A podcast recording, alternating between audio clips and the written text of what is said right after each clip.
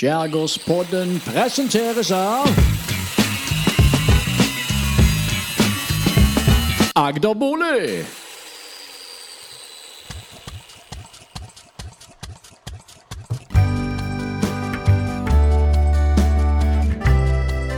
Skjærgårdspodden med Thomsen og Loland.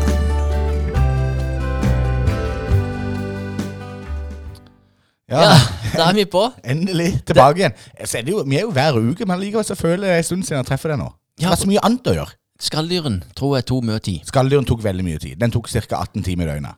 Ja. Og jeg ble så trøyt på slutten, for jeg hadde jo ansvar for uh, tankbil, eh, tankbilen til CB.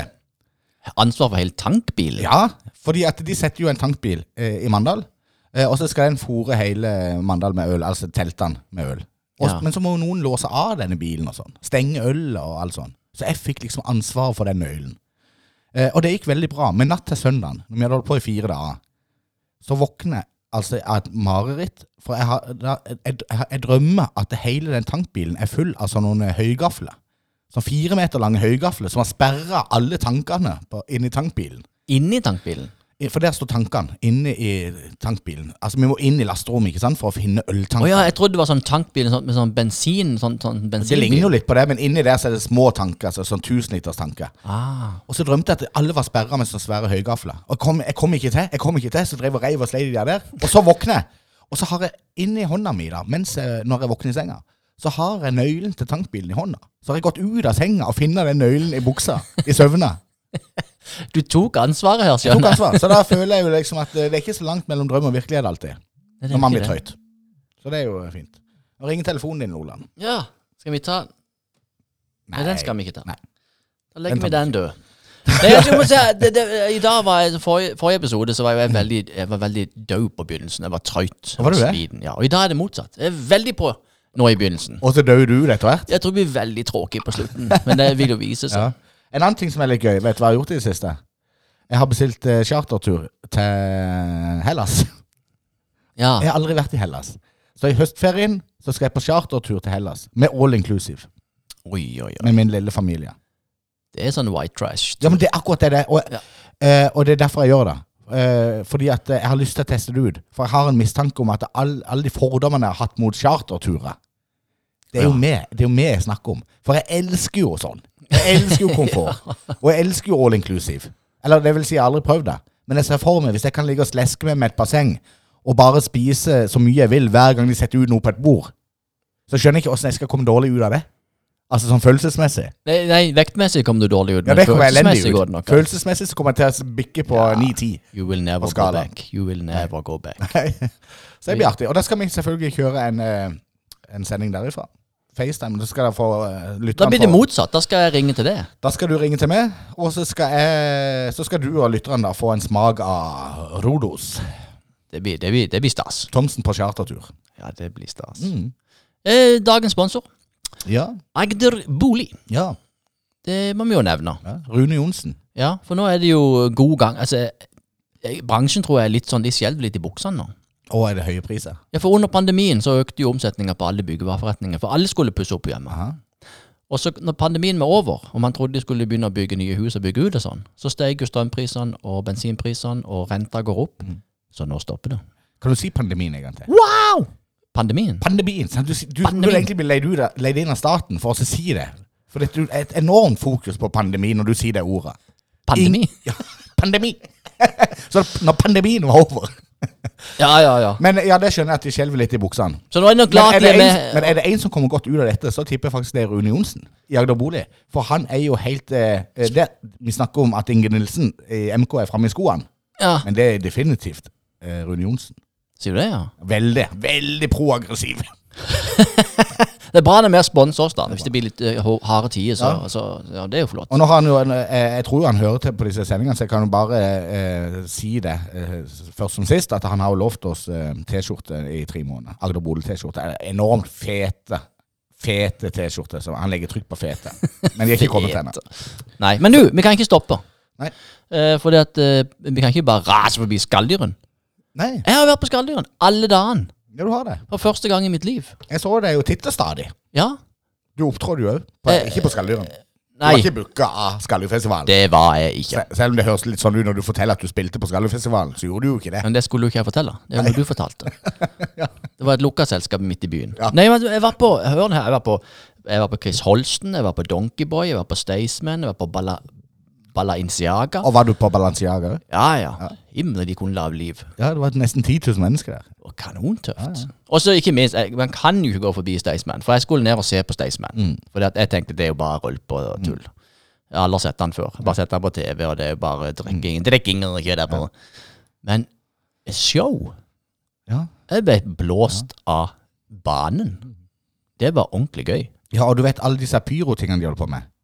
Eh, Raketter ja, ja, ja. og pyro. Og, det, og dette er jo noe de betaler sjøl, sånn som jeg har forstått det. Det er jo ikke noe sånn at de forlanger at det er sånn og sånn skal det være. Altså, de Nei, nei. bruker så vanvittig mye av hyra si. Og så er det jo et det band av dimensjoner. Altså Gitaristen er en eller annen langhåra Ja, trønder er som er dratt rett ut av 80-tallet Ja, og er spiller så det gjorde etter. ja, ja. Nei, det var gøy, altså. Så all ære. Men det, nå har jo han vært her i syv år eller noe. Ja. Pluss pandemien. Da var han der Han var der òg, tror jeg. Ja. Så han lovte jo tiårsjubileet. Da skulle jo ta helt av. Jo, men jeg tenker sånn, for mange sier at ja, men er det ikke på tide med noe nytt og sånn, bla, bla, bla. Jo, men så lenge de klarer å være aktuelle. Så, ikke sant? Eh, Ja, ja, ja. Det er jo klart at eh, Trøst og bære, eller hva de heter, det tenker jeg, ok, det er litt sånn 80-90-talls. Ikke Trøst og bære, men de er der eh, Og bære og trøste. Nei, eh, ikke Postgirobygget, men disse her eh, Nå kommer jeg ikke Trang fødsel! Trøste og bære. Ja, men, men Trang fødsel, ikke sant. Hvis de hadde booka de, så hadde jeg tenkt ah, Og tida de vært aktuelle? Da skjønner jeg at de kan ikke komme tilbake igjen, selv om de spilte Mandal for 20 år siden. Ja, Men, nei, nei. men Staysman, altså, så lenge de produserer nytt hele tida og er aktuelle og det, var jo sikkert 7000 mennesker på den konserten. Ja, så ungdommen løp jo mann av huset for å se dette. Så det, var, så det var veldig gøy. Men nå må vi videre. Vi må eh, tilbake i tid. Vi kan ikke bare leve i nutida. Nei, men uh, bare sånn, bare for å ta det på slutten. Du sa du jobber 18 timer i døgnet på Skallefestivalen, men uh, hvor var du? Hvordan føltes det, og gikk det greit? Du, det gikk veldig greit. Jeg jobber jo på Herr Redaktør, uh, som jeg av og til gjør.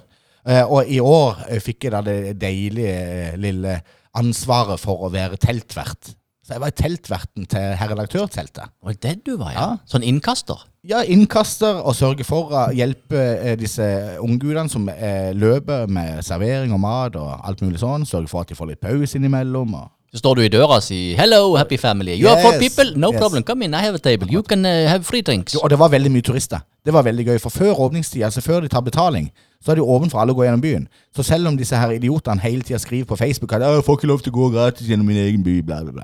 Det kan du jo. Ja, du kan det. Alle kan gå gjennom den byen. Eh, og hvis du bare skal gjennom, så kan du bare si det. Jeg skal bare gjennom. Så går det helt fint. Det er ingen som st står og peker på ei vakt der i Lindesnes Avis. «Ja, 'Nekter å slippe meg gjennom'. Ja. Men eh, det jeg skulle si, før de tar betaling, så var det massevis av turister, belgere og franskmenn og eh, sveitsere og uh, tyskere og alt mulig, som var innom og spiste skalldyr. Og de, de roste denne byen. Altså, men, kom, de reiste nordover. De forventer jo snø og isbre og isbjørn nærmest. Og så får de Mandal, som bader i sol. Og uh, Trebåtforeninga, som inviterer alle ungene til å lage båter. Og de hadde 102 båter liggende i det nye havnebassenget de hadde lagd. ja det var helt sinnssykt. rått. Ja, ja, ja. 5-26 grader i skyggen. Himmel og. Knallbra. Men nå Ja, må vi det tilbake.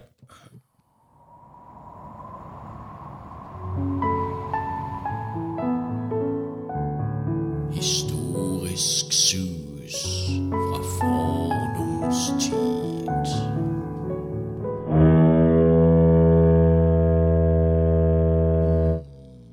Det er deilig å vente til den der duren er Ja, det er over. det. Den går ut. Hva er det i dag? Du, I dag skal vi snakke om eh, Riis Bank.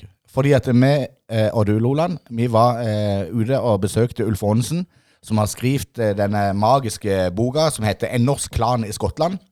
Som handler om hele Riis Banks historie, og lord Salvesen og familien Salvesen og det parafinfabrikken og gud vet Ja, hva. jeg er jo litt skotsk òg. Det har hun nevnt tidligere. Så. Ja. Bare for å dra med inn i dette òg. ja, kan du snakke skotsk? Yes, I can. It's no problem. My grandmother was born in Glasgow. Ja. Men eh, vi var Nearly på- Nearly to Aberdeen. Vi var på besøk hos Ulf Aanesen eh, på Rysebank, og den lille videosnutten der på 6,5 minutt, den ligger jo på YouTube-sida vår på Skjærgården kultursenter, så den kan hvem som helst gå inn og se. Der ligger den som ei byvandring, for det gjør vi jo hver uke. Ja, og så vær så snill å gå inn og abonner på sida vår. Ja, for det trenger vi faktisk. Ja, vi trenger mange følgere på den sida. Det koster jo ingenting.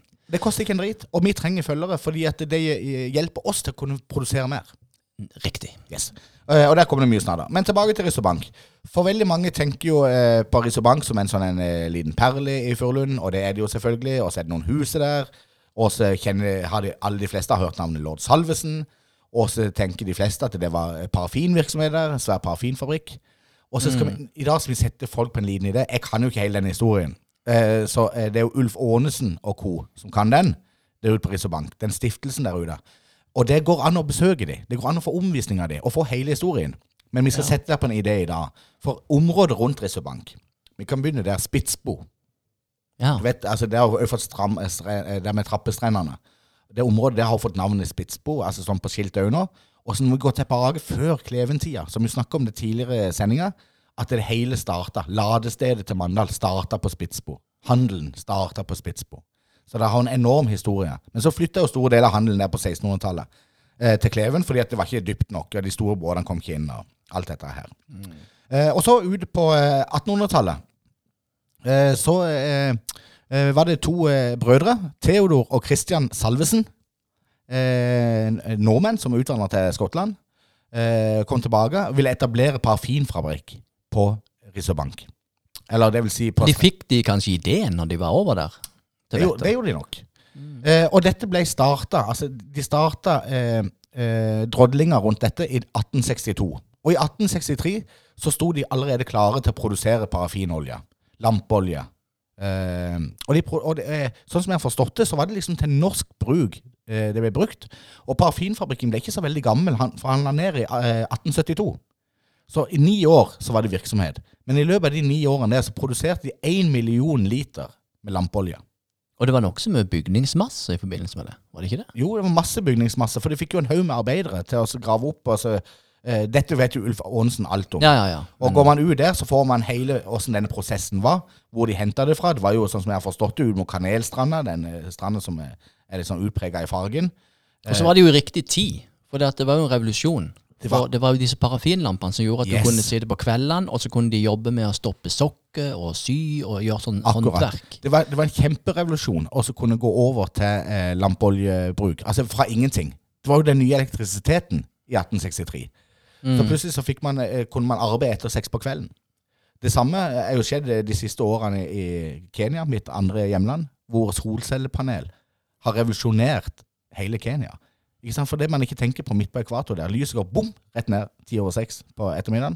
All aktivitet stopper. Det går ikke an å spille fotball, det går ikke an å lese, det går ikke an å gjøre noen ting. Nei. Og så kommer solcellepanel. Og så har jeg snakka med enkelte som er frisører, for eksempel, som har gått ifra å klippe fem stykker om dagen til å klippe 50. Ja. Bare Det er jo sånn- genialt. En liten digresjon. ja. Eh, Men veldig mange forbinder jo Rissebank med lord Salvesen. Uh, og, denne, og, og det man ofte forveksler, da, det er jo at lord Salvesen var involvert i denne parafinfabrikken. Det var han altså ikke. For lord Salvesen var sønn av Christian Salvesen. Og onkelen hans Theodor Salvesen, det var jo de to, Christian og Theodor Salvesen, som starta parafinfabrikken i 1863. Eh, og lord Salvesen var sønn, var etterkommer, eh, og bygde Rissebank, altså det hovedhuset, som sommerhus i 1901. ja. De, Men- men, de flytta eh, tilbake til Skottland. Ja, for de la ned fabrikken etter ni år. de la ned fabrikken etter ni år. Men de eide området. De eide hele området. Ja. Og, og sønnen til Kristian Salvesen, lord Salvesen, var den som satt mest bemidla, og bygde hus, sommerhus eh, da, til familien. Eh, jeg tror søstera òg var involvert i dette. Og de brukte jo dette som sommerhus eh, helt fram til, eh, krig, eh, til andre verdenskrig.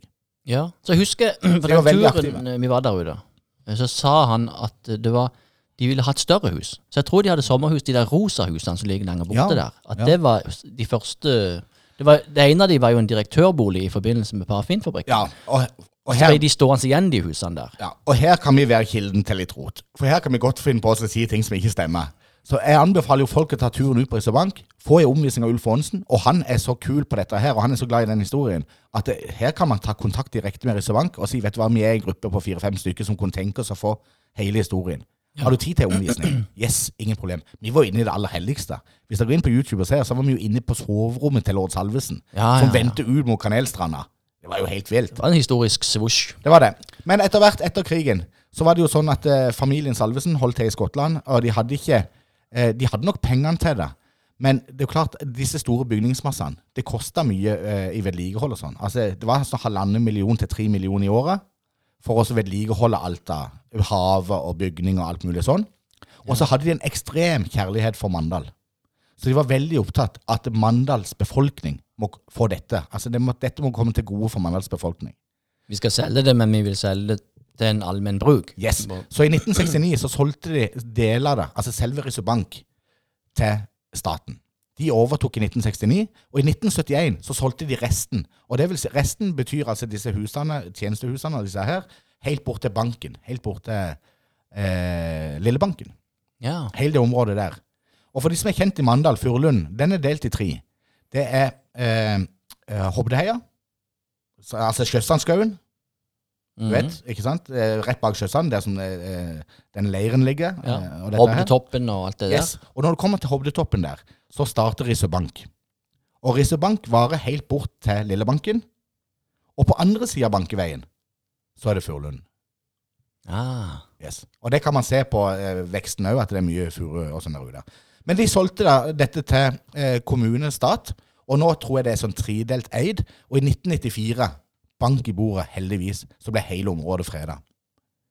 Ja. For tenk hvor trist det hadde vært hvis det var privatisert. Og at ikke vi kunne gå inn. Vi kunne ikke gå på Låstranda. Nei, Nei, Vi eide jo alle strendene.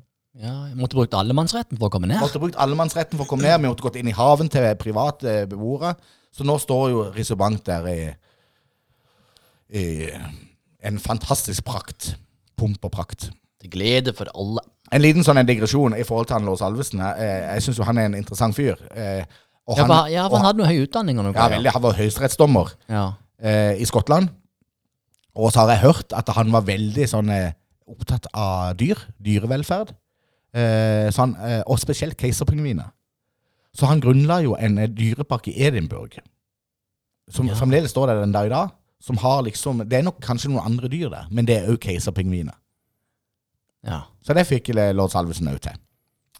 Eh, Gjorde, gjorde litt av hvert, den ja. karen der. eh, Og så bygde han ei fantastisk hytte oppe i Åseral. ja, har du vært på den? Nei, Nei. det har jeg lyst til. Og den tror jeg er privateid.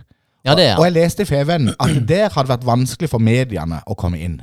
De har hatt sånn veldig lukka, så der er ikke folk velkomne og sånn. Og det samme kunne jo ha skjedd med Rissebank, hvis det hadde falt i feil hender.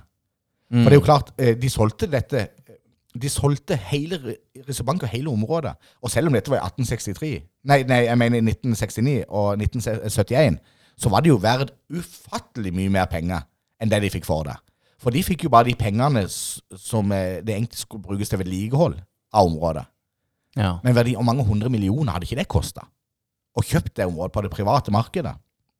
Så Ja, det er mer eller mindre en gave de har gitt til eh, Mandals befolkning. Og barnebarnet til, nei, oldebarnet til lord Salvesen, han har vært veldig delaktig i boka til Ulf eh, Aanesen. Og han sender, han skanner og sender gamle brev og dokumenter og kjærlighetshistorie som stammer fra Mandal, og bilder, og gud vet hva. Så de har fremdeles en sterk link. Og så helt sånn avslutningsvis har jeg lyst til å fortelle om en som heter Harold Salvesen. Harold Salvesen. Harold Harold Salvesen, Salvesen som, Salvesen. som jeg traff rundt i 2002, fordi at han var nemlig gjest på puben som jeg jobba på. Puben Mandal.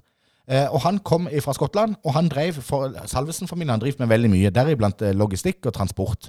Og jeg mener og kan huske at han fortalte meg at han hadde 7000 trailere på veien. Et av Europas største logistikk... Eh, Ja, for det sto eh, inne på det showroomet på Ja. Så sto det en sånn en modell. Ja. Lastebil, og så sto det. Salvesen Transport eller et eller annet Akkurat. sånt. Cargo eller noe sånt. Ja, og denne Harold Salvesen, han var ungkar. Eh, og han elska Mandal, så han tok ansvar for å arrangere slektstreff for Salvesen-familien. Og det var ingen etterkommere i området her i Norge og Mandal. Så de var jo spredd overalt. Det var Sør-Afrika, New Zealand, Australia, Skottland og gud vet hvor. Og annethvert år cirka, så arrangerte han slektstreff på Risebank. Og han reiste ned ei uke i forkant for å absorbere følelsen av atmosfæren av Mandal. Ikke sant? Som hans forfedre hadde brukt som eh, rekreasjonssted og sånn. Eh, og En av de hovedgrunnene til at jeg husker han så godt, er jo fordi at han eh, konsekvent drakk eh, kakao og portvin. Altså portvin i kakaoen. Det har verken før eller siden opplevd at noen har gjort, men han bare bestilte det. Og det kosta 39 kroner i den tida der. Og vi tok ikke ett av de kortene han hadde. Han hadde sikkert 50 forskjellige kort. Så han gikk i minibanken og tok ut den største bunka jeg har sett med penger i hele mitt liv. Og så betalte han 1000 kroner for hver kopp med eh, kakao og portvin, og så ga han resten i tips. Så det var 941 kroner i tips for hver eh, drink han fikk. Eh, så det var nokså kult å være på jobb når han var der. Eh, men han, det var ikke sånn show-off. Han, han var bare genuint hyggelig, og det var ikke for å vise seg eller noe sånt. Men deriblant så han kjøpte eh, Han gikk inn på eh, Pizzalitten, kanskje Jonas B. Gundersen eller noe sånt, og så la kortet sitt i baren der på morgenen, og så sa de som kommer og spiser her og drikker da, det er på min regning, jeg kommer og henter kort i morgen. Så han ville ikke stå der og ta imot noe heder og ære for at han var rik, eller noe sånt, men han elska Mandal. Akkurat som sine forfedre. Fantastisk. Lever han ennå? Det vil jeg nesten tro. For jeg- kanskje han var i 40, siden han er noen og 60 nå, da. Men Ja. etterpå det så har jeg ikke hørt at de har hatt de sekstreffene. Nei. Og, og jeg tror det selskapet faktisk er solgt ut av familien. Det er transportselskapet. Uff. Ja. Så det var dagens eh, historie. Det var en god en. Ja, takk for det. Jeg håper folk eh, tenner litt på ideen og tar kontakt med Ulf Aanesen og co. Grave litt Og i grave historien. litt. Ja, for det er en veldig kul historie. Absolutt.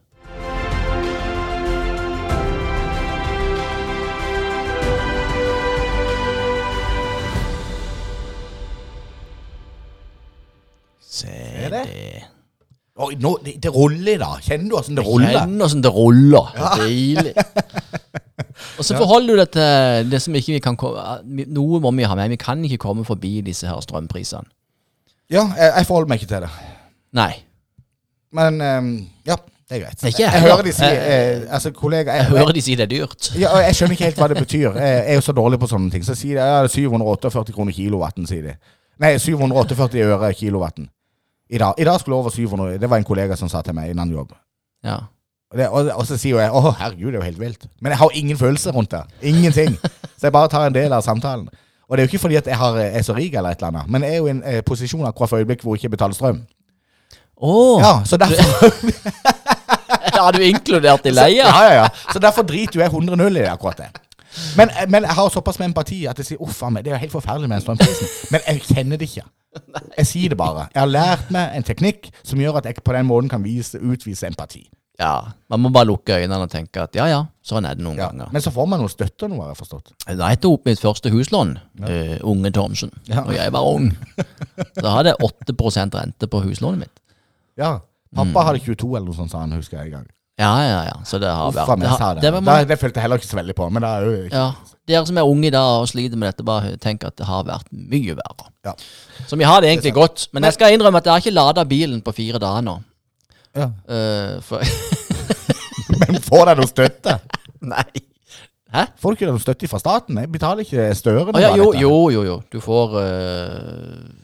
kompensert nå. Kompensert 80 av det du bruker over 70 øre. Ja, men er ikke det bra, da? Jo, jo, jo. Så du, eh, i realiteten får du 40% cirka. Ok. Tilbake igjen. Ja. Hvis det kan være noe trøst. Jo da, men uansett så er det dyrt. Men det som jeg syns er litt fjernt med det, der, sånn som jeg har fått med meg, det er at det er så utrolig uh, ujevnt. Altså Noen oppe i Trondheim liksom, de bare brifer på Facebook med at det her koster 20 øre kilowatten. Ja, ja, Og så er det liksom eh, 948 ganger høyere på Sørlandet. De har så mye vann i magasinene der oppe. Er det det som gjør det? Ja, ja, det. er Mye tørre her nede, vet du. Ja. Men det er rart at vi klarer å, å lage sånn kabler fra Sør-Norge og, og ned til Tyskland. Ja. Men å lage en kabel fra Nord-Norge til Sør-Norge, det er umulig. Ja, ja, men så sender de vann gjennom vi kunne jo kjøpt strøm fra Nord-Norge hvis de hadde hatt kobla seg ned på Men hva nettet de sender her. gjennom det? Sender de strøm gjennom? Det- Eller vann, eller hva er det de sender gjennom i kablene? Jeg tror ikke det er vann. Nei, Overskuddsstrømmen den går jo rett ut av landet. Ja. Så selger vi den der ute.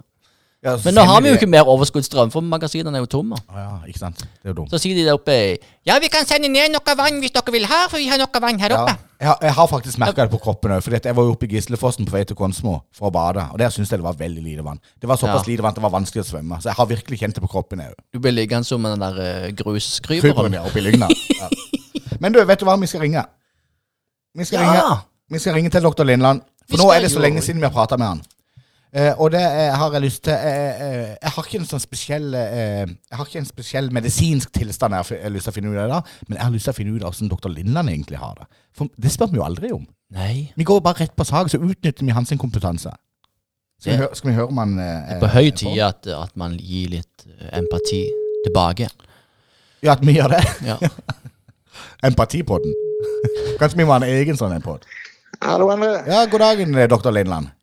Du er nå på luften eh, på Skjærgårdspodden. Det er det. Hallo, takk for sist. Ja, takk for sist. Vi og Loland-mannen her satt og snakka litt om at vi har jo ringt deg, og så er det en liten stund siden vi har ringt deg nå. Og så slo det oss at eh, vi spør deg jo veldig sjelden åssen du egentlig har det. Altså, Vi utnytter jo din kompetanse, og så legger vi på. Altså, Så er det brukt igjen uten å ha blitt møtt og speilt. Jeg kjenner på den når du sier det. Gjør det. Akkurat. Er ikke det trist at folk går ut ifra når folk har høy utdannelse og høy lønn, så har de det bare greit? Men det er jo ikke sikkert, det. Nei, det er ikke sikkert. Nei. Og hvordan tar du det? Har du funnet fram, har du, fin- har du funnet fram disse her tørkepapirene? Ja, Kleenex-boksen på bordet her. Vi driver med sånn fjernterapi. Legg deg ned. ja. Åssen har du det? Nei, takk for at du spør. Jeg, har- det fint. Eh, Det skal vi jo svare. Det er jo som sørlandsk, er det ikke det? Jo, absolutt. For det er det du vil høre på så vidt. Men, men altså, for å svare ærlig på det, så vil jeg si ja, en har det fint. Eh, så er det jo dette andre de sier, en, en har det som en tar det, og, sånne ting. Og jeg tror jo kanskje i stor grad så har vi en viss mulighet til å påvirke litt hvordan vi, hvordan vi velger å ha det. egentlig. Og det er interessant. Ja. ja. For, det, for det er klart at eh, hvis vi kikker etter uh, i den ene retninga med det som ikke er OK, så kan vi velge å ha hovedfokus der. Um, og, og andre ganger så eh, kan vi velge å ha fokus den andre veien. Eh, så vil det så klart være situasjoner i livet hvor det er naturlig at det er umulig å få blikket vekk fra de tingene som er ugreit og, og sånt. Men hvis vi tenker mer eh, den jevne grå der hverdagen, der, der ikke det har skjedd veldig triste ting og sånn, så, så tror jeg nok at egentlig kan vi stort sett velge å fokusere på de tingene som gjør at vi, vi summert har det greit. Ja. Kan, man velge, kan man nesten velge å ha det godt selv om man har det vondt? Noen er kjempegode på dette her, og der er det jo sånn at eh, noen løfter tungt, noen løfter ikke så veldig tungt. Noen er gode til å hente fram det positive til det med det mørkeste, og andre ikke. Så det blir veldig arrogant å si at ja, dette kan man gjøre. Men, men jeg tenker jo at i, i stor grad går det an. Noen klarer det alene, og noen trenger nok litt mer hjelp av familie, venner, eller noen som jobber med dette for nettopp å klare å, å løfte det. For sannheten er jo egentlig, sånn som jeg ser det, at eh, den verden, den hverdagen vi står i, den er der jo uavhengig av hvordan vi har humøret. Og hvis en da står i en situasjon, så er det jo kanskje greiere å stå i den hvis en klarer å frambringe et greit humør. Ja. Ja, For jeg, har jo, jeg sleit jo veldig med det før i tida. For jeg tenkte jo at hvis jeg bare kvitter meg med alt det vonde i livet, så blir jeg lykkelig. Mm. Men da, og da tenker jeg, da, skal, da, da bør det livet være veldig langt. Fordi at jeg, jeg tror ikke jeg kommer helt der til. Så kanskje Så man blir det påfyll Ja, av vonde ting. mm, det gjør det. Men, eh, men nok om det. Vi må snakke litt mer om Dr. Lindland. Åssen har sommeren vært? Nei, altså, sånn har vært fin, eh, og han har vært god. rett og slett. Jeg- Det viktigste for meg med ferie, det er det faktum at jeg ikke jobber. Ja. Altså, hvor, hvor jeg er og hva jeg måtte finne på av sånn ville sprø ting, det betyr ikke uh, all verden. Så, så apropos dette med å, å Hva trenger jeg for å ha det fint? Ja. Uh, så trenger jeg rett og slett å få lov til å slippe å jobbe. Og så i ja, de lyse tingene som jeg velger å kikke på. I, I mitt liv så er det viktig å være nær uh, mennesker som betyr noe for meg. Familie og venner, og òg faktisk noen ganger kunne sette seg ned eh, helt alene og slappe av og rett og slett bare kikke rundt seg og nyte natur og, og, og, slike ting. Da. Så jeg har hatt en veldig uh, rolig sommer. Mest rundt uh, Mandalsområdet og en liten svipptur til Danmark for rett og slett å få litt bitte adspredelse. Det er jo helt nydelig. Jeg har valgt en litt sånn eh, annerledes strategi nå i høst. For jeg har jo nettopp bestilt en chartertur til Rådos med all inclusive. For jeg tenker at hvis jeg kan få ligge ei uke på en solseng og, eh, og ete alt som blir satt på bordet til enhver tid, Ja, ja, så, så vil jeg nærme meg nokså høyt oppe på lykkeskalaen. Iallfall den uka der. Ja, men, altså, men det er så nydelig det du sier nå, for da har vi to kontraster som begge deler er, er rett. Fordi det, det, det betyr ikke hva som er allment riktig eller galt, men det kjente du at det trengte du nå, rett og slett å bygge opp et lite spekklag før den harde vinteren. Ja. kjente Et lite spekklag. ja. Men respekterer folk det når du har ferie? Jeg tenker sånn Familie og venner. Jeg merker jo selv at hadde, hadde jeg hatt en kompis som var lege, så tror jeg jeg hadde plaga han litt innimellom. Da er du ikke vennen min mye lenger, skal jeg si. Du får beskjed. ja, ja. Nei da. Det for spøk til alvor. Det er klart, det, det, den grensa er jo litt hårfin. Men eh, stort sett er folk flinke. Og så pleier jeg jo da å orientere litt om at uh, noen enkle ting svarer en på, men, men samtidig tydeliggjøre på en høflig måte at eh, noe er lov, eh, på lik linje med kan spørre snekkeren hvis han er inne hos meg syns du jeg skal bruke en 2,8 eller, eller, eller en liten sånn en list med, med den forskalinga under terrassen. Eh, det er greit, men er øyeblikket jeg begynner å spørre han om å gjøre det for meg, da, da bikker vi en grense. Så det, det, det er liksom å, ja. Og det er jo litt av grunnen til at ikke vi har mast på det i sommer, selvfølgelig. Det kommer jeg jo på nå. Det er jo fordi at vi respekterer jo din ferie. Når vi først sitter her, når vi først sitter her og har et glass vin, Stian du, kan, Skal vi ta den prostataen? eh, ja, du sitter jo bare der, fingrene er der og alt. Absolutt. Nei, Alt ligger til rette. Nei, men det var utrolig hyggelig at uh, vi kunne få en liten statusoppdatering på åssen dr. Lindan virkelig har det. Og så kommer vi garantert tilbake med mer medisinsk tilnærming. Ja, fysisk. Nå var det jo bare psyken du hadde Ja. Men vi må over på det fysiske. Åssen er kroppen? Åssen fungerer Absolutt. Håndfast noe, noe å kjenne på. Ja, Men det får vi ta en egen skjærgårdsprat, tror jeg. Vi får gjøre det. Super, Yes, Stian. Må du for ha en, det var hyggelig. du må ha en god dag videre på jobb. Takk i like måte. Ha det godt. Ha det, ja. Ja, det var interessant, Thomsen, for det at, eh, fikk ikke jeg spurt han om det. Men i går hadde jeg fire flotte på meg. Ja. For jeg var rota inn, i sk- inn i skogen. Jeg har jo kjøpt eh, hus med skog. ja. Eller de, Skog, definisjon det- det er det skog ikke. Nei, det var sånn Det Det, var, det er jo sek, et byggefelt fra Ja. 1980-tallet. det var, det var seks trær. Ja. Men, men det er jo en form for skog, da. Vi kan jo ikke krenke små skoger, tenker jo jeg. Nei, Nei, og, og, og, det var nok derfor. det er ikke Fi- småbruk, fire det er ikke små småbruk der. Og så kunne jeg spurt legen nok Kommer jeg til å dø nå? Får jeg sånn der eh, Hva heter det for noe? Du får flåttbitt, og så utvikler du et eller annet, så du, du orker ikke gjøre noen Å ting. ja, hva er det nå det heter for noe? Ja. Eh, am, amo, eh, ja. Borrelia. Borrelia! Det er det. Ja. Yes, ja. Nei, det er jo en forferdelig skummel sykdom. Jeg kjenner jo noen Ja. som har blitt angrepet av det. Og det er, for mange så oppleves jo det som, som sånn ME-sykdom. At man blir jo helt utslått. Ja, det er jo helt forferdelig. Det kan være kjempefarlig. Men vi er nødt til å komme oss videre i denne sendinga. Nå skal vi gjøre oss klar. Det er på vei noen inn i studio. Vi skal gjøre oss klar for ukens gjest. Ja, spennende. Ja da, ja da, ja da. Jeg syns jo at hvis du har sånn en skjærgårdspod, så kan du jo invitere gjester. Noen som har utmerka seg eller noe. Ja, det syns i hvert fall jeg, så.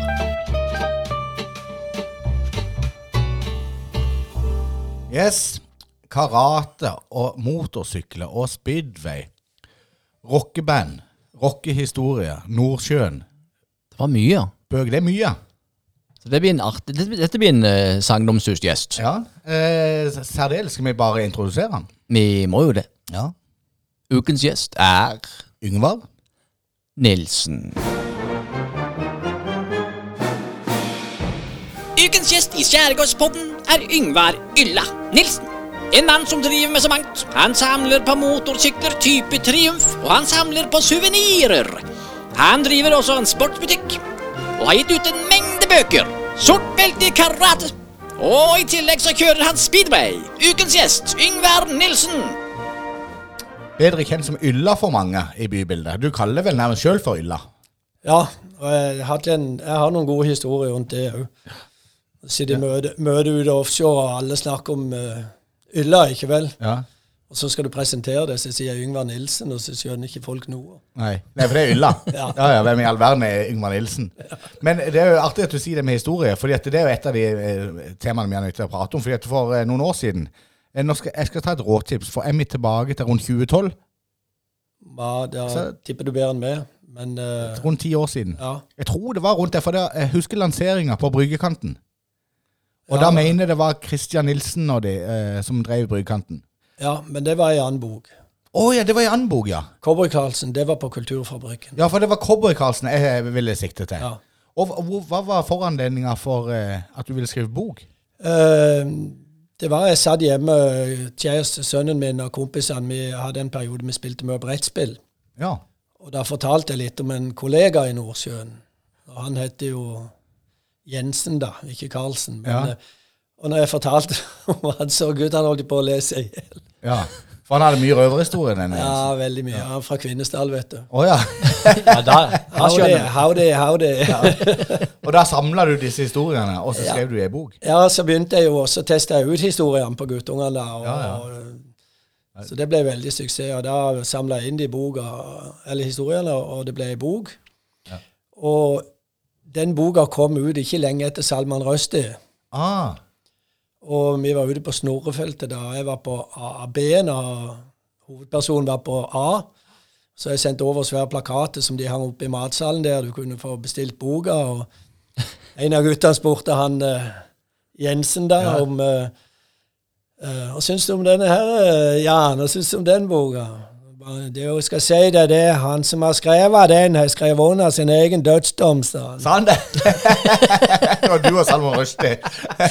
Men, så han skjønte at det var han? eh, Som Han skjønte det, men det var- jeg, jeg, jeg håper jo han koser seg med det. da. Ja, det er så utrolig bra. Da. Mange kjenner deg jo eh, som eh, Det er jo karate-Ylla. Ja, altså gjennom utrolig, utrolig mange år. ja, det har blitt mange år. Jeg holder jo på ennå. Men Ja. jeg har flytta opp til Vigeland, da. Eller Lindesnes karateklubb. Ja. Eh, men i mange år så holdt du til på Ime. Ja. Ime-kjelleren. ja. Eh, og dere eh, eh, Du har jo eh, ei datter som var særdeles dyktig Shikira, ja. i karate. Karate og kendo etter hvert. Ja, ja. Eh, Og det var en svær klubb. Anerkjent klubb. Jeg husker jo på sommeren så arrangerte dere jo disse sommerstevnene og sånn. Og da fikk dere jo inn noen av de beste karateutøverne i verden. Den tida der så hadde vi en del eh, revolusjonerende, for det var litt før internett, litt før folk kunne sitte hjemme og holdt på å si, søke opp ting og chatte med ting. Så vi var ute tidlig, men så kom vi til et punkt at eh, folk, eh, det, ble, det ble for enkelt for folk hjemme og for klubber å få tak i stjerner eller få tak i store folk. ikke vet. Ja. Men har du svart belte sjøl? Ja, jeg har tredje, tredje dagen, eller grad, hvis du hva du kaller det. Ja, for det er disse her eh, Er det åtte? Er det liksom det toppen? Nei, litt forskjellig fra stiler til stiler. At det, det er jo noen som går opp til ti, da, men eh, hos oss er vel det høyeste syv, da. Ja, Og du har tre sånn om dagen på et svart belte. Ja. Hvor mange år må man jobbe eh, for å få til det? Altså, det krever vel nokså mange timer trening eh, for å komme på det nivået der. Ja, hvis du er veldig flink og atletisk, så kanskje 10-12 år, så har du greid det, men uh, ja. Ja, Da er du veldig flink atlet. Da, ja, da står du på å trene tre ganger i uka i tolv år. ikke vel? Men nå følger jo Loland 50 til neste år. Hvis han nå kjører på, rekker han å få eh, svart belte med tre dager før han blir pensjonist? Eh, teoretisk, ja. Ja, teoretisk, ja! ja, Det er jo et godt svar. Er det, er det Bruce Lee som setter, som satte fete føringer her? Gode, gamle Bruce Lee. Jeg, lik, jeg likte det svaret. Teoretisk, ja. Det er jo veldig diplomatisk sagt. Jeg tror de kjørte inn i en klubb i Oslo. Jeg tror han var 49. Han skulle ha svart belte på et år da, før han ble 50. Og det er jo litt utenom disse normene og, Ja. og hva som er, men selvfølgelig han greide det. Og han klarte det. Ja, Gikk han alle gradene i løpet av ett år? Nei, han eh, Han hadde grader fra før av. Ingenting. Han bare tok én grad etter et år. Men Oi, eh, oi. Da, da snakker du om å trene hver dag i Ja. Ja, X antall timer. Ja, ja. Men du har, det er jo mange andre ting. Eh, eh, du har jo du har på deg T-skjorte nå. Og det, det er litt gøy, for dette, den butikken skal vi besøke. Og når dette går på lufta, så ligger den videoen ute på YouTuben. til Ja. Skjærgården kultursenter, faktisk. Så da kan du gå inn og se på egen byvandring. I, eh, du liker ikke å kalle det for museum, men du, men du har et lokale hvor du har stilt ut et lass med Triumph. ja. Triumph fra 1937 opp til 74. Ja, og det, det er, for vi har jo en del unge lyttere. Så jeg tror du rett og slett må forklare hva er en Triumph? Det er en motorsykkel på to hjul. eh, Litt forskjellig kubikk kom de ut i, men eh, det var jo Triumph i 1938 med Edvard Turner som revolusjonerte og satt benkemarker for hvordan motorsykkelbransjen skulle være framover.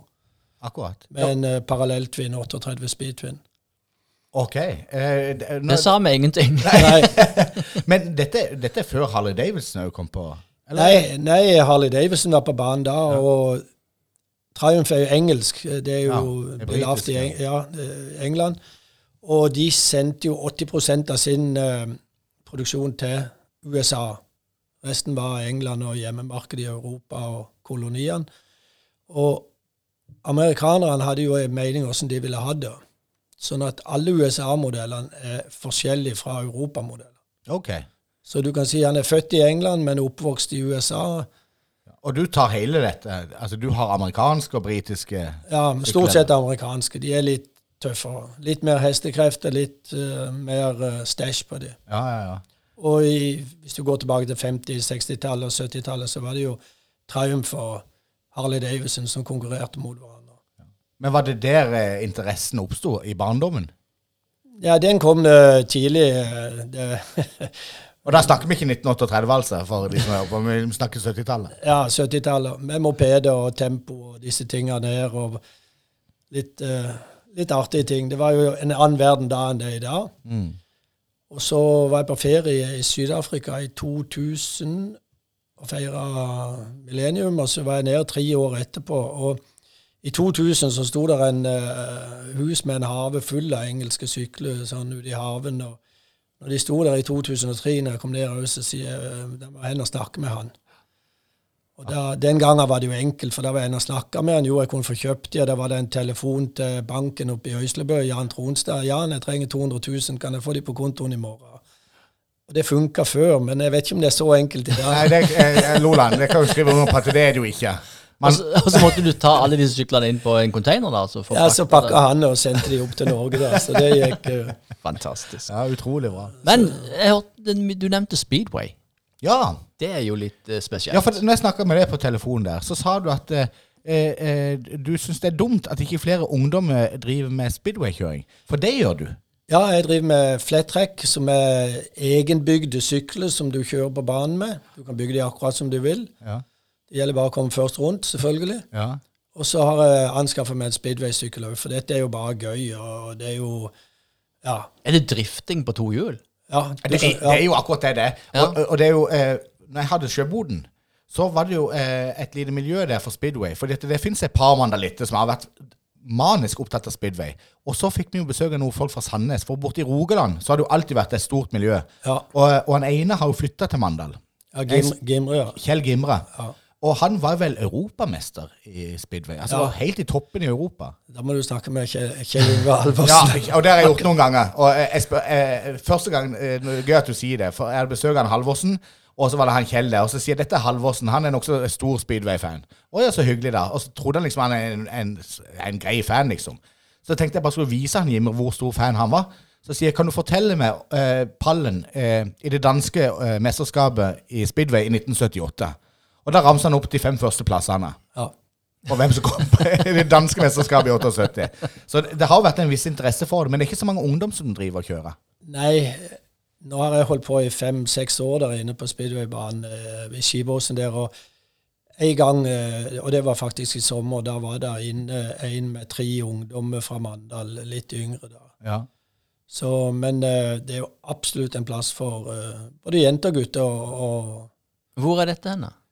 det er i Skibåsen, er Sørlandsparken, rett før glattkjøringsbanen. Ja, stemmer der. Der, ja. Der har de bygd en egen sånn en En egen speedway-bane? Ja, så det er ikke sånn at de kjører på den der Nei, nei, nei. nei. For her har de jo sånn ku, eh, Hva heter det? Kuverte svinger? Altså de Nei, nei, det, de, de er veldig lite kuvert. Å ja. Det er ikke sånn de er oppe i svingene også. Nei. Nei. Um, men der er det klubb, så, og ungdom som hører på, og litt sånn, altså eldre folk òg, de kan ta kontakt med Ja, så en speedway-klubb i Kristiansand og så få kjørt. Inntil for noen uker siden så har jeg gått litt og skrytt eh, litt sånn eh, lokalt for meg sjøl og til de nærmeste byens eneste speedwaykjører. Og er den beste, ikke vel? Ja, ja. Så jeg er jo den eneste. Så. Men så har jeg fått med meg en eh, tidligere kompis nå av Kjell Yngve. Han heter Ja. Per Magne Christensen på Stjernia. Så han ble vel bitt av basillen litt. Så Ja. nå håper jeg vi kan bli to, og da har vi jo litt lokal konkurranse. Men tenker du å kjøre løp òg? Jeg får se. Jeg er jo bare Eller jeg blir 62 nå, men de eldste som driver og kjører, de er 83. Og det er 83. flere på 77 år. Så Som ligger flatt rundt svingene. ja. Men når du kjører løp, da er det jo rimelig tett de ligger. Jeg kjører fire og fire, så det ja. Ja. Ja, det er jo tett. Det ser helt, Det er det ser helt vilt men jeg ser jo for meg sånn som jeg kjenner det, at hvis du får tilbud om å stille opp i et eller annet løp, så har du vel vanskelig for å si nei. Eh, Ja, Du tar jo utfordringer. gjør det. Ja. Eh, Men ikke nok med det. Speedway. Musikk. Ja, vi er nødt til innom musikk. Ja. Eh, du er jo aktuell for tida i eh, rockeband. Spiller i Raffineriet. Ja. Eh, sammen med Bjørn Hunt og Oddleif Steinsland. Erik. Og Erik Mortensen, ikke minst. Eh, Det er jo mange bauter innen musikk, dette her. ja, kan vi ikke kalle Det må være Sørlandets beste bassist, Erik Mortensen. Ja, jeg, jeg vet ikke. Jeg Han vet iallfall at det er den trommeslageren på Sørlandet som suger best. Så jeg skal ikke skryte på meg noe, men Men er du er ikke du Du er vel er, er, Sånn som jeg husker, du er grunnleggeren av Raffineriet? Ja, det, det var i forbindelse med Cowboy Carlsen, den boka. Ja, stemmer. Så skrev jeg en del låt låter om, om Cowboy Carlsen. da. Det å fly Sikorski, og det å Elgen, selvfølgelig. Cowboy Carlsen er en stor elgjeger. Og, Ja. og Ekofiskfelt og litt. Så vi lagde en del låter om det, og så var de med på, fikk jeg med disse på releaseparty der, og så øvde vi et par ganger. Så har det balla på seg litt, men det har jo tatt eh, veldig god tid. da. Jo, jo, men er ikke det fint? Og der spilte jo nettopp konsert på Skadefestivalen. Ja, På Sjøboen livescene. Eh, En sånn splittkonsert med Øyvind Liseths orkester. ja med blaude konsonanter. Med blaude konsonanter. Dere synger på uh, Oddleif synger på dialekt. Ja. Eh, og så er det rocka. Så det, Ja. det, Ja, det er et rockeband. ja, litt sånn rock, men så er det vel litt metall kanskje av og til. Men eh, Men det kommer et album. Ja, vi har jo gitt ut noen, men vi, vi har en ti låter nå som vi må få ut før jul. Ja. Ja. Og så ligger det faktisk noen musikkvideoer på YouTube. Der kan folk gå inn og så søke opp Raffineriet. Og det ligger en veldig fin film der hvor din bror, John, eh, har hovedrollen.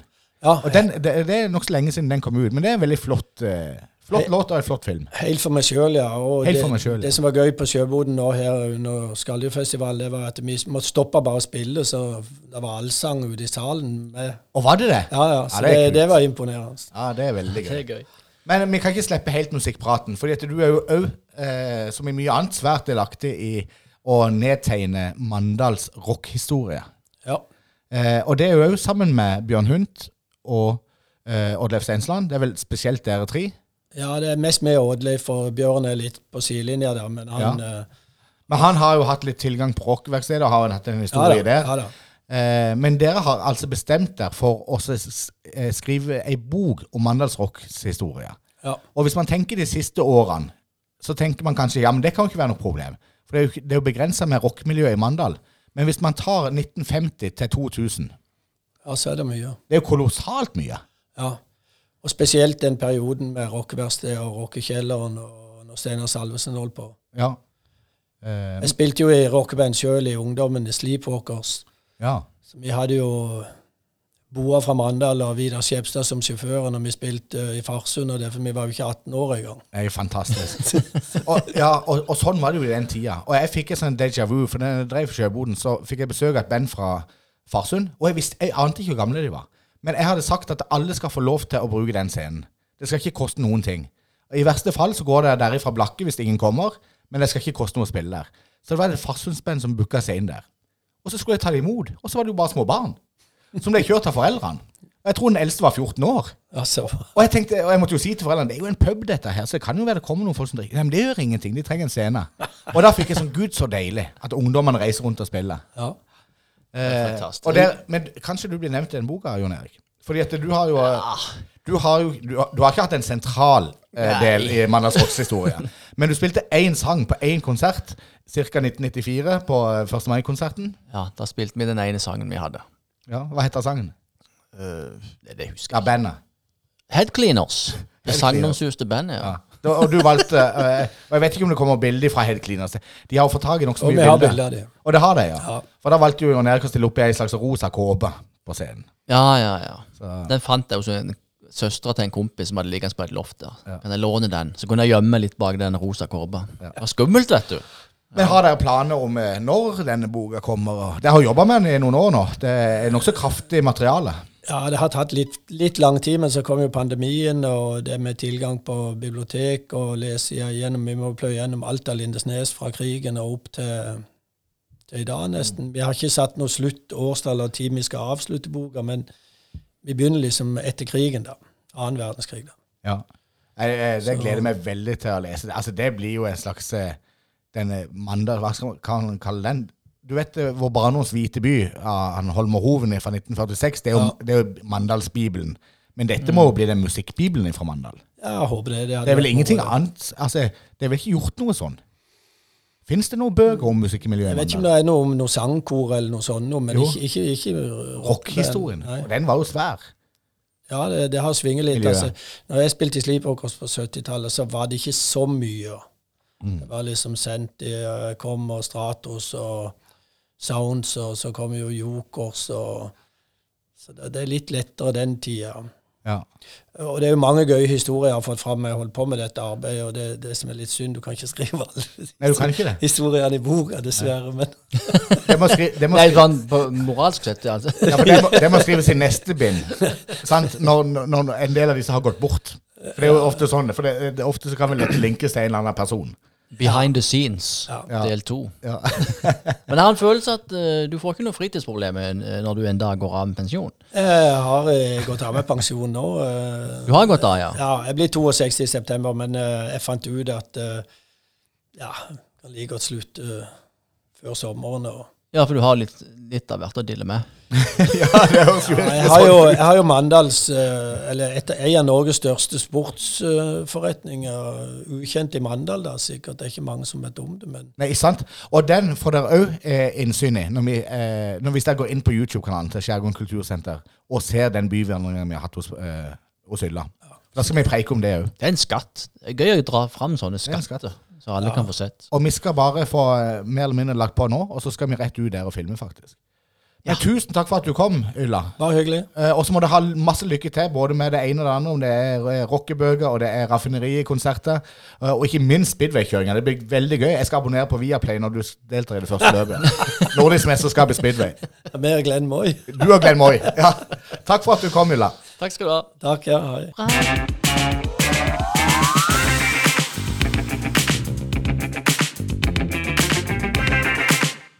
For en gjest. Ja. Det er gøy med folk som har masse jern i ilden. Ja. Altså, øh, det er, så, det er så bra. Det er det motsatte av å pensjonere seg og sette seg ned. Ja, det er jo det stikk motsatte. Han bare tar rennefart. Han, kan, han har jo ikke tid til å jobbe. Nei, Så han har valgt å førtidspensjonere seg, så han skal få tid. det er jo uh, Det er jo litt i vår ånd, egentlig, der. der. At det bryter opp med det Ja. Slik skal man leve livet. Som. Gjør det du vil. Absolutt. Ja, ja, ja. Ja, ja du har fått tilbakemeldinger på, eh, på at du var litt hard mot Frivillighetssentralen. Nei, du har ikke fått tilbakemelding på at du var hard. Du har fått tilbakemeldinger på at folk syns det var gøy. Jeg har fått mye tilbakemeldinger på det, men, men i motsatt ende. Mhm. Jeg trodde kanskje folk ble litt harnisk. Ja. Eh, men det var mye glede og mye latter. Ja. Sånn er det jo. Ja, for foranledninga til det der, det er jo at jeg hylla jo Frivillighetssentralen. Og så eh, var du liksom på at nå må du slutte med den hyllinga hele tida. og jeg tenkte jo åssen går det an å la være å hylle Frivillighetssentralen? Og så sier du at ja, men de tjener jo penger på det. Så bare, ja, men gjør det nå, det er frivillighetsarbeid. Ja. Så, så tulla du oss rundt litt, altså. Ja, det var jo litt sånn tøys, da. Men det var jo så var det jo sånn at for mange er det en hobby, så de trenger ikke hylle folk for å ha en hobby. Vi sa det jo just nå, du må jo ha noe å gjøre når ikke du, ikke du er på jobb. Ja, det er sant. Så det var gøy. Men hva tenker du, hvor skal vi hen? Skal vi legge oss litt flat, eller eh, har, vi Ja, no, for vi har, har vi noe å legge oss? Vi satt jo og snakka, så var vi så glad i det. Vi er i så godt humør, så det er vanskelig å være sinna. Det, det, det er jo den mest populære spalten vi har, det er jo Sinna-spalten. Men vi kan ikke bare starte spalten og være sinna på noe vi egentlig ikke er sinna på. Nei, vi kan ikke det. Eller så må vi begynne å lese mer aviser. Ja, Men vi har noe å legge oss flat for, faktisk. alt. Det er jo det vi har. Så den får vi nesten ta nå.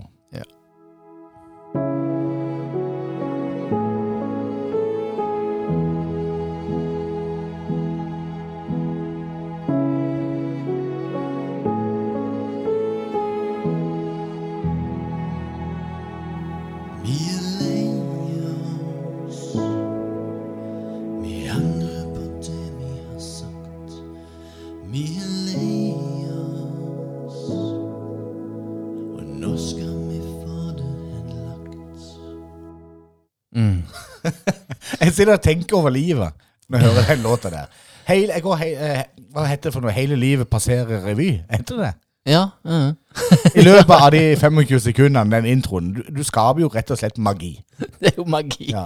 Jeg, jeg følte jeg måtte inn i en, sånn, en slags ballett. En sånn, en, Ja, det fikk jeg med meg, for jeg satt inni min eget, mitt eget hode. hva heter det? Li, Libro-ballett. Libro-ballett, ja. Du har en fri rolle. Ja, det var deilig. Legge- Jeg skal legge, ja, jeg skal legge meg flat først. Uh, det, altså, det kommer jeg jo kan legge meg flat først. Nei, jeg vil. Jeg vil, Ja.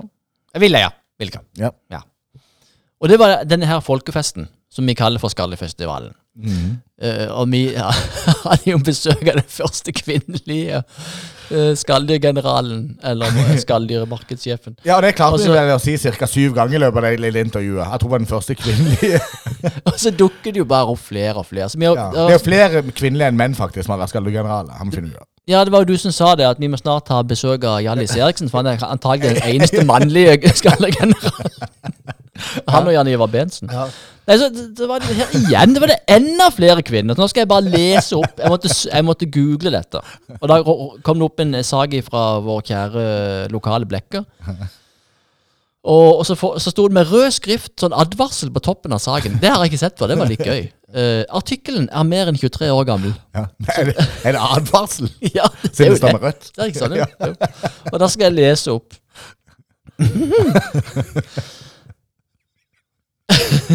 Et yrende folkeliv i går ettermiddag er nok bare starten på en knallhelg. Dette går som smurt, selv om det var Det er vel hektisk, smilte en av to arrangører, Trude Skeie Eriksen. Sammen med Patricia Helleron er det de som står ansvarlig for årets Skallifestival, som lenge hang i en tynn tråd. De klarte imidlertid å tenne næringslivet og kommunen til å satse på prosjekter. Damene svinset rundt sammen med sine medhjelpere. Det står ikke 'svinsa rundt'. Jo, jo.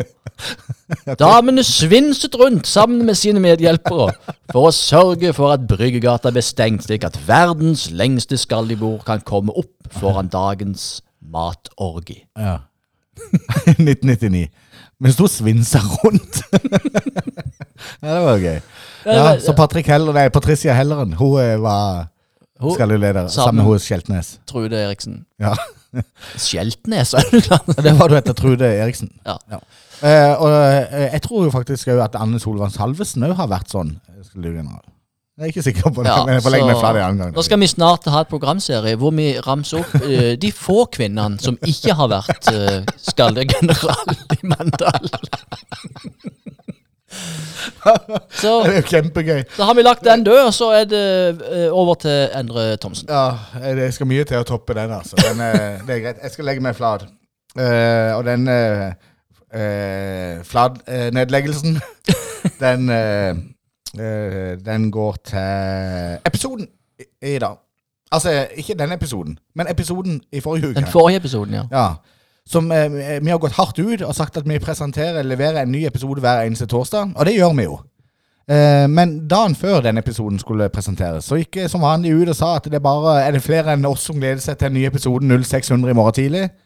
For jeg har jo lagt den på sånn eh, Ikke sant, om vi laster den opp der i skyen der. Og så ligger han klar der og bare Han er planlagt ei uke før og kommer ut klokka seks om morgenen. Og så våkner jeg til morgenen i dag, hvor, for i dag skulle nemlig den episoden komme ut. Og så lå det ikke noen episode der. Og det var ikke planlagt noen episode heller. Så jeg sender jo melding til det. Jeg skjønner ikke hva som har skjedd, men eh, den minnepennen lå jo enslig og alene på kontorpulten.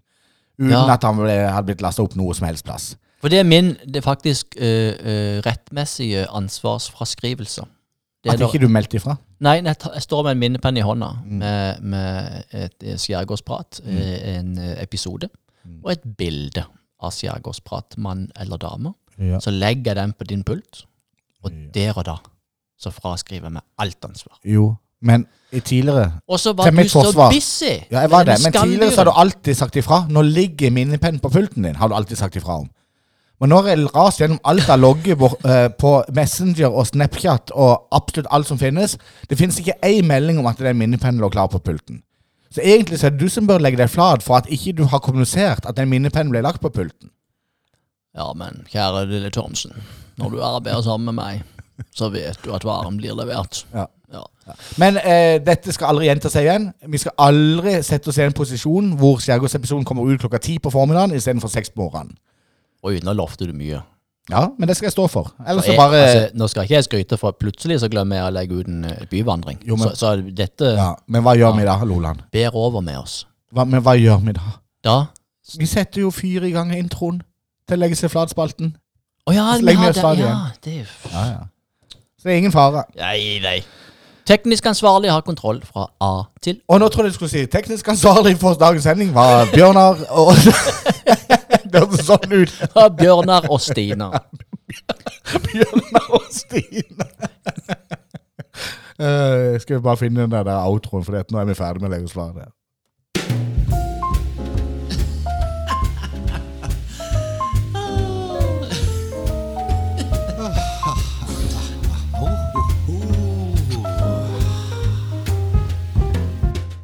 Egentlig så føler jeg at vi, vi burde lage en sånn fiktiv eh, organisasjon rundt oss, eh, som vi hele tida kan legge sky- legge skylda på. Ja, ja eh, men vi har, ikke, vi har jo en organisasjon, vi har jo en atmosfære rundt oss. Men når jeg kom til morgenen i dag, så var lysene på her. og...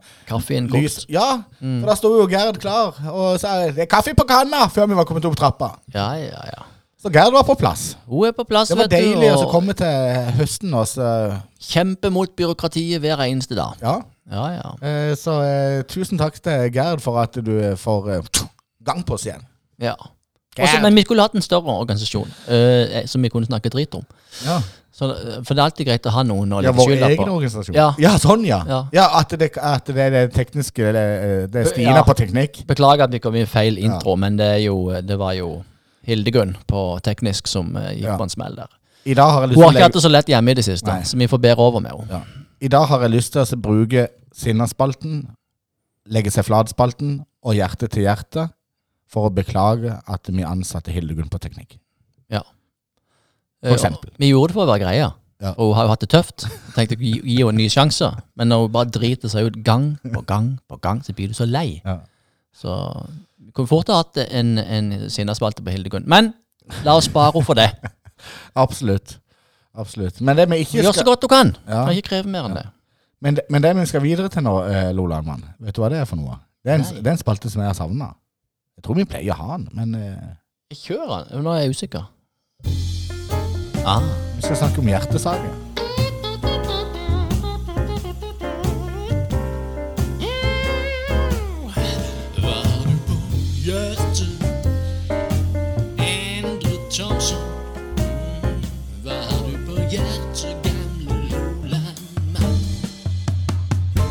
Jeg begynner. Ja. Uh, min hjertesak i dag, det er mm, veinettet. Skal du ikke hylle noen? Nei. Skal du hylle veinettet? Nei, Nei. det skal jeg ikke gjøre. Jeg skal ta et oppgjør med jaget rundt veinettet. For nå har det jo blitt bestemt for en del år siden at nå skal vi ha ny trasé fra Oslo til Stavanger. Den skal jo bare gå som ei kule. Du skal jo mer eller mindre kjøre fra Mandal til Stavanger på ca. et kvarter. Du er, du er, er helt oppå du, du, Nesten oppå grensen til Sinnaspalte. Ja, jeg merker det nå. Mm. Ja. Men det er fordi at det, berører, det. Det, det, det berører hjertet mitt så nærme at det skal lite til for at det går ifra Det er litt sånn som følelsene når du går fra redsel til sinne. Ja. Først blir du redd Mm. fordi du holder på å bli påkjørt. Og så Og så skjeller du ut han. Ikke sant? Som holder på å kjøre den her. og så begynner du å grine og bli lei deg. Og så blir du lei deg etterpå. Mm. Og deprimert. Ja. Eh, og så må du få behandling av doktor Lindland sine kollegaer. Og så blir du glad igjen fordi du møter noen du Ja. kjenner. Men jeg er litt imot det jaget etter det nye, bedre veinettet. Jeg ble veldig glad når jeg leste i avisen at nå ble eh, veinettet fra Mandal til Lyngdal eh, utsatt. Det syntes jeg var veldig fint. og veldig koselig. Så tenkte jeg å helsike så deilig. Å, nå gleder jeg meg til å kjøre de, de her turene igjen til Lyngdal, som tar lang tid. Jeg mener jo at det går for fort med det nye veinettet. Jeg syns man skal bygge ned veinettet. Så istedenfor at det så nå, eh, nå med litt sånn trafikk og sånn til Kristiansand, så tar det ca. 40 minutter fra Mandal til Kristiansand. Før gikk det rundt 30 minutter. Det syns jeg var litt for lite. Men jeg mener at man bør bygge ned eh, veinettet såpass kraftig at det tar ca. en time og et kvarter fra Mandal til Kristiansand. Er det bare for å provosere når du sier dette? Nei, jeg, du, er du glad du snakker til en som det er jeg- kvalitetstid. Når jeg skal på jobb Mm. ned hertil, Mm. så må jeg stå, for jeg skal ut på E39. Mm. Så kan jeg stoppe bilen, Gud og sette meg på panseret. Sende noen meldinger, sende noen Snapchat og noe greier. men snakker vi nå når du skal kjøre ut den sideveien inn til fastland? Ut Ja. på den det, det er aldri så mye trafikk der, Lola. Jo. Glem det. og veinettet kommer 20 år for seint. Og vi står og venter. Og den ene gangen så tok jeg fram en grill. Og grilte pølser. Koste meg der. og Det var jo, vi bråkte jo litt av all trafikken, men pølsene var gode. Jeg skjønner ikke hvorfor ikke flere prater om å bygge ned eh, veinettet. Så at vi får mer kvalitetstid i bilen. Og får slappe av litt. For når jeg tar eh, bussen til Kristiansand, når jeg skal på jobb av og til der, så tenker jeg å herregud, så deilig hvis den bussturen hadde vart i tre timer. Å ja, ja, ja. Kan jeg slappe vi, av? snak, ja, snakker vi, jo- vi snakker jo om veien da. Da snakker vi om at Thomsen trenger litt mer tid for seg sjøl. Jo, men det gjør alle. Og derfor kan vi bruke veinettet til å få den tida. Få fred fra familiens eh, maser og jag. Ja. Få fred fra jobben. Sette oss i bilen. Ja, det, og da har vi jo tidenes unnskyldning for at eh, vi får pleie av vårt indre sjeleliv. Men hvis vi skal bruke 17 minutter fra Mandal til Stavanger, får vi ikke tid til noen ting. Thomsens veiruter. Thomsens Thomsens veiruter, ja. terapeutiske veiruter. Hvorfor kjøper ikke du inn noe hest og kjerre, og så kjører du hest og kjerre med folk fram og tilbake? Men det er faktisk en forretningsidé som jeg har hatt lyst som jeg har hatt i mange år. Jeg har lyst til å ha en sånn en, eh, buss, sånn backpackerbuss-aktig greier. Hvor folk bare går på byen i Mandal, for eksempel, og så kan de gå og eh, kjøpe seg eh, seng i den bussen og hvile ut rusen. Men så vet du aldri hvor du våkner. For da kjører eh, bussjåfør Thomsen mens du sover. Ja. Og så plutselig er du i Sauda. Ikke sant? For du kjøper bare en slags billett Sånn en eh, interrail-billettaktig greier. Eller sånn som de har på uspesifiserte reiser med finn.no på chartertur. Så vet du, aner ikke hvor du går, våkner opp hjemme. Så folk som trenger, trenger terapi, de trenger ikke uspesifiserte reiser, kan jeg si det. Jeg har nok å stri med. Ja, eksponeringsterapi, så funker det som Men jeg gjør det sjøl. Jeg liker å ha en viss avstand til arbeidsplassen. Ja. For jeg sitter i bilen og øver Ja. på Men Likevel så blir du forbanna for at det tar for lang tid alt sammen. Nei, jeg tok fram grillen, og så sitter jeg og øver på tekster til show. Ja, så egentlig så var det veldig greit. Nei, det er jo ikke det. Nei. Hva du kommer med der? Ja. Nei, men det var min hjertesak. Bygg ned veinettet umiddelbart. Yes. Herlig hjertesak. Har jeg hatt? Nei, Nei, føler du at du har hatt hjertesaken? jeg trodde jeg hadde hatt hjertesak. Ja, du har jo hatt, men ikke i dagens episode. Ja, ja, jeg har caps òg. Ja. Nei, altså, det, det eneste jeg tenkte på i dag eh, med hjertet, det var at det var litt kaldere temperatur i dag. Det kom litt skyer. Og sommeren har vært herlig, for all del. Men du, jeg kjenner at jeg er glad i høsten. Nå kan jeg sitte inne og eh, Hva heter det for noe? Når du bare ikke gjør noen ting. Bare være og eksistere og Sløver. reflektere Ja, sløver. Og ja. Inne og sløver. Eh, det er et ord jeg ikke er vant til å bruke, vet du. Så jeg er på hele tida. Fram med skoene. Nei, da kan du sitte inne og se på serie, Ja, og det regner på utsida, og du med god samvittighet. Ja. Kanskje hive en pinne på ovnen. Mm. Liten pinne i glasset, så er det glad. Men du sa en fin ting før du skulle ta den praten, som var et viktig poeng oppi dette her. Ja, det var jo det at eh, kanskje når vi sitter sånn inne på, på kveldene og koser oss, så, så kan vi ringe til noen vi kjenner oss på. Kom bort på en liten kaffe, Ja. og så tar vi en drøs. Den følger jeg deg veldig på. Mm. Fin, kjedelig Fin, kjedelig hjertesak. Jeg mente ikke det. Silja. Jeg, nå sa jeg høyt det jeg tenkte. det var en veldig kjedelig hjertesak. fint kjedelig! Ja, det var deilig. Det er veldig rart. Og Som regel så pleier jeg å filtrere ut de ordene som ikke De usosiale ordene. Du blir mer og mer ufiltrert. Men du, vi har fått en ny følger på, på sida på Facebooken vår. Ok? Skjærgården kultursenter på Facebook. Ja. Og det er Landøy brød og pizza. Er det det har vi fått de som følger på skjermen? Nå har de spora oss opp og er klar for å lytte. Ja, selveste eh, OL-kokken. Ja. Ja. Så det syns jeg vi skal følge opp. ja. Så bra. Bodø- Bodø-fan. Bodø-fan, og det er fredag, og vi slenger også pizzaen i steinovnen. Og det er bare å runde rundt hjørnet og slenge Vipps-pengene i bordet, og så skal du få med deg hjem surdeigsbrød i bøtta og spann. Godt du fikk den inn i hjertesaken.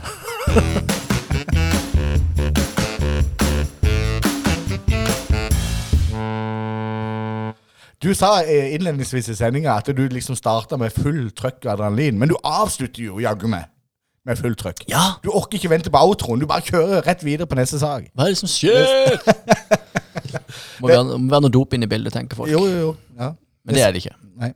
Det er noe dop de er bekymra for nå der ute, blant uh, de som har tenåringsbarn og sånn. Ja, er det? Jeg vet ikke hva det heter. Det er MDMAM.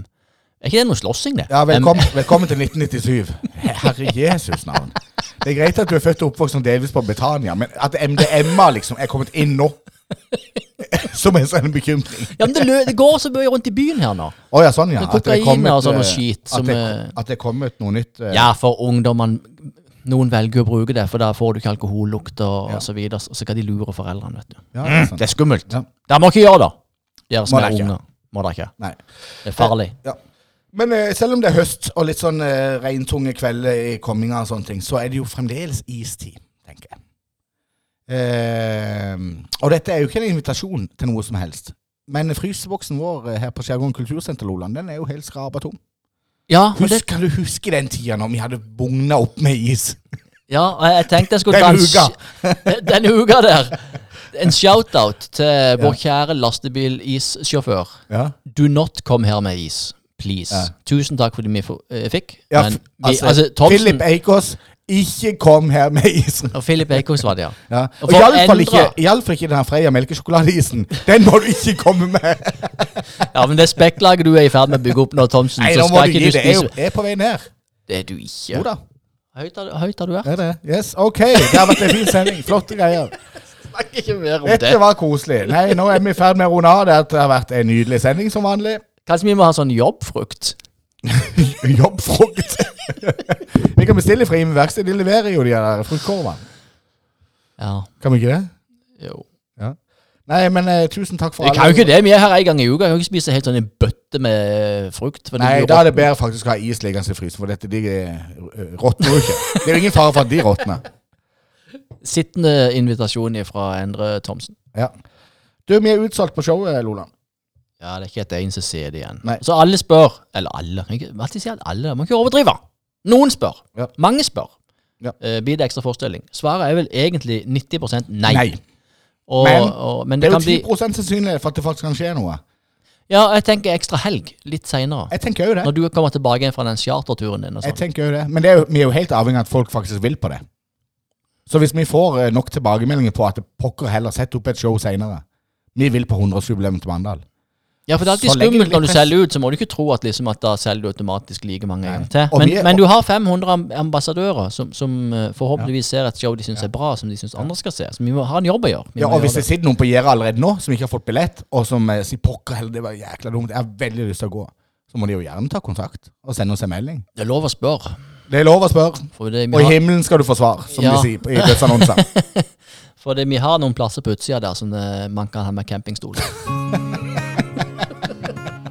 Ja, herlig. Dette var gøy å være sammen igjen, Loland-mann. Absolutt. Ja. En eh, flott sending. Tusen takk for en flott sending, eh, Endre Thomsen. Det var Tusen takk hyggelig i å like se måte, deg gamle igjen Loland, mann. etter denne uka med skalldyr og full pes. Absolutt. Vi snakkes eh, siden. Og for alle, til alle dere andre, gå inn på Spotify eller hvor det var det være. Hør på oss. skal nå lyve. Ja. Så jo da, ja vel. eh, Ja, det var sånn det ble. For Loland lurer på så mye. Og Endre Thomsen viser vei. Så ja da, jo da, men alliavel. Nei da, så Nei, vi må, vi må lappe hjem nå, for vi skal hete. Men neste gang skal vi ha alt på stell. Og vi håper du ønsker å være til stede.